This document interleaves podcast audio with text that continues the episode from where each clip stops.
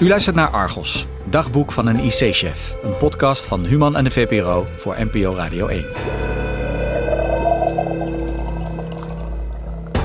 Amal Geerbes is hoofd van de IC-afdeling van het VU Medisch Centrum en hoogleraar intensive care geneeskunde. Speciaal voor Argos houdt hij een audiodagboek bij over alles wat er speelt op zijn afdeling. Op weg naar huis, na zijn lange dagen in het ziekenhuis, spreekt hij zijn vragen en overpeinzingen hardop uit. Kunnen we de toestroom nog aan? Maken we de goede keuzes? Is alleen het beste mondkapje wel goed genoeg? Of kan het ook met iets minder veilig materiaal? Allerlei zaken die in deze tijd van crisis alsmaar door zijn hoofd spelen, waar hij ons deelgenoot van maakt.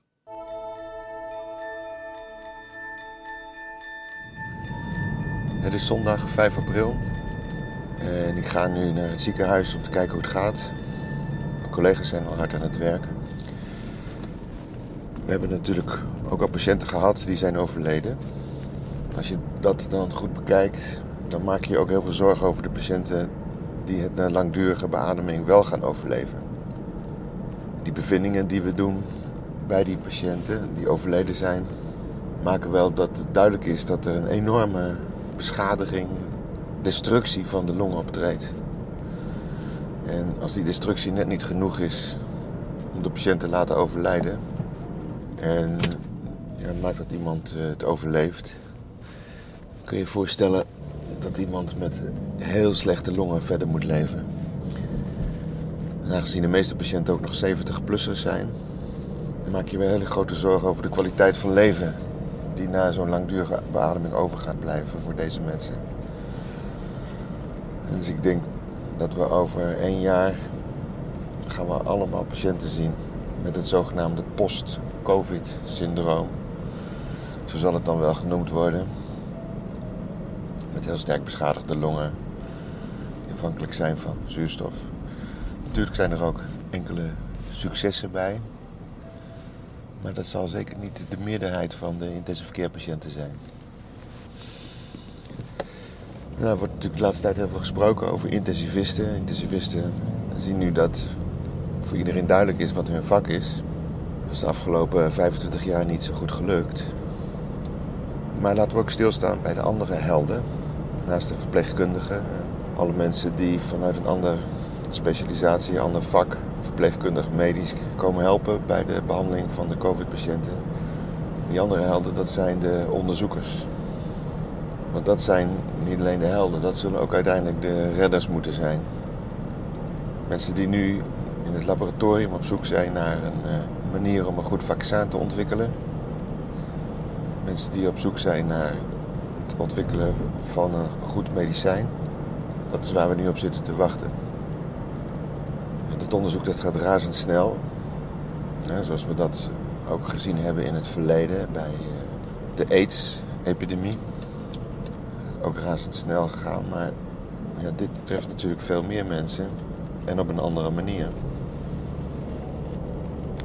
En de andere helden, dat zijn de mensen die nu ervoor zorgen dat in deze moeilijke tijd er trials gedaan worden. Dat wil zeggen dat we nu gaan onderzoeken welke medicijnen, welke combinatie van medicijnen effectief zijn in het verminderen, dan wel genezen van de ziekte.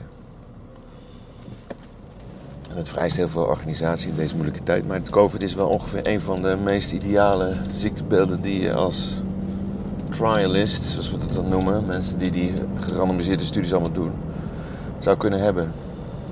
En het, is een, het is een nieuwe ziekte, het komt in grote aantallen voor. De ziekte is heel goed definieerbaar. Het is een totaal andere categorie patiënten dan waar we problemen mee hebben om trials bij te doen, namelijk bij de doorsnee, als ik het zo mag noemen, intensive care patiënt. Want uiteindelijk zal natuurlijk alles wat ontwikkeld wordt in het laboratorium, zal toch gekeken moeten worden of dat ook zo werkt als dat we denken dat het werkt. En bij die gerandomiseerde studies heb je ook nog heel wat belangrijks nodig, namelijk patiënten.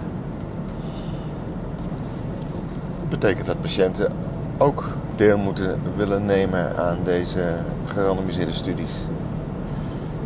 En dan is het toch eens goed te bedenken dat heel veel van de vooruitgang in de geneeskunde hebben we te danken aan het feit dat patiënten, ondanks dat ze erg ziek waren, bereid waren om aan zo'n studie deel te nemen.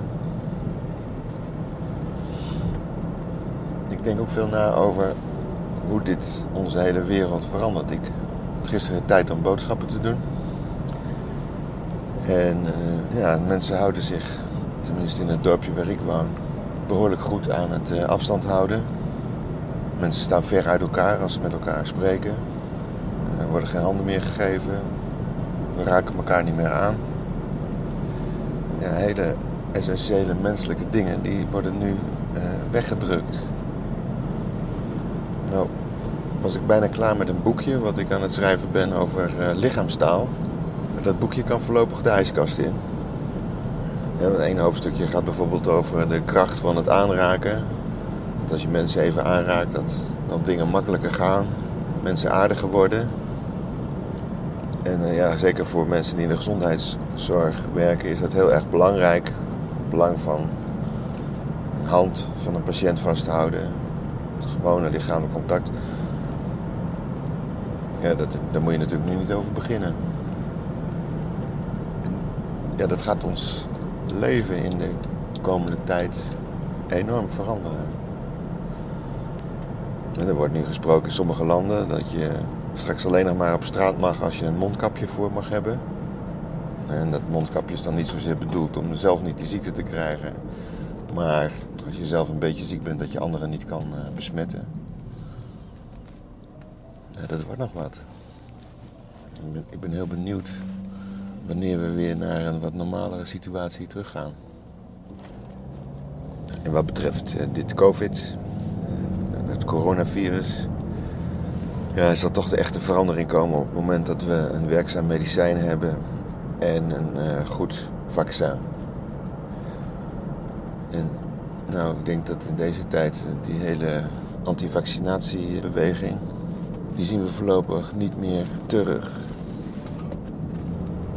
En er zullen nu zelfs de praatprogramma's doorhebben dat we niet zitten te wachten op uh, zulke prietpraat. Tot zover het audiodagboek van Dr. Geerbers van vandaag. Als u zich op deze podcast abonneert, kunt u regelmatig een nieuwe bijdrage van hem beluisteren. Kijk voor meer informatie op vpro.nl/slash argos. Daar vindt u bijvoorbeeld ook het audiodagboek van een huisarts en nog veel meer interessante artikelen. Vindt u deze podcast de moeite waard? Laat dan een review achter in Apple Podcasts. Dank u wel.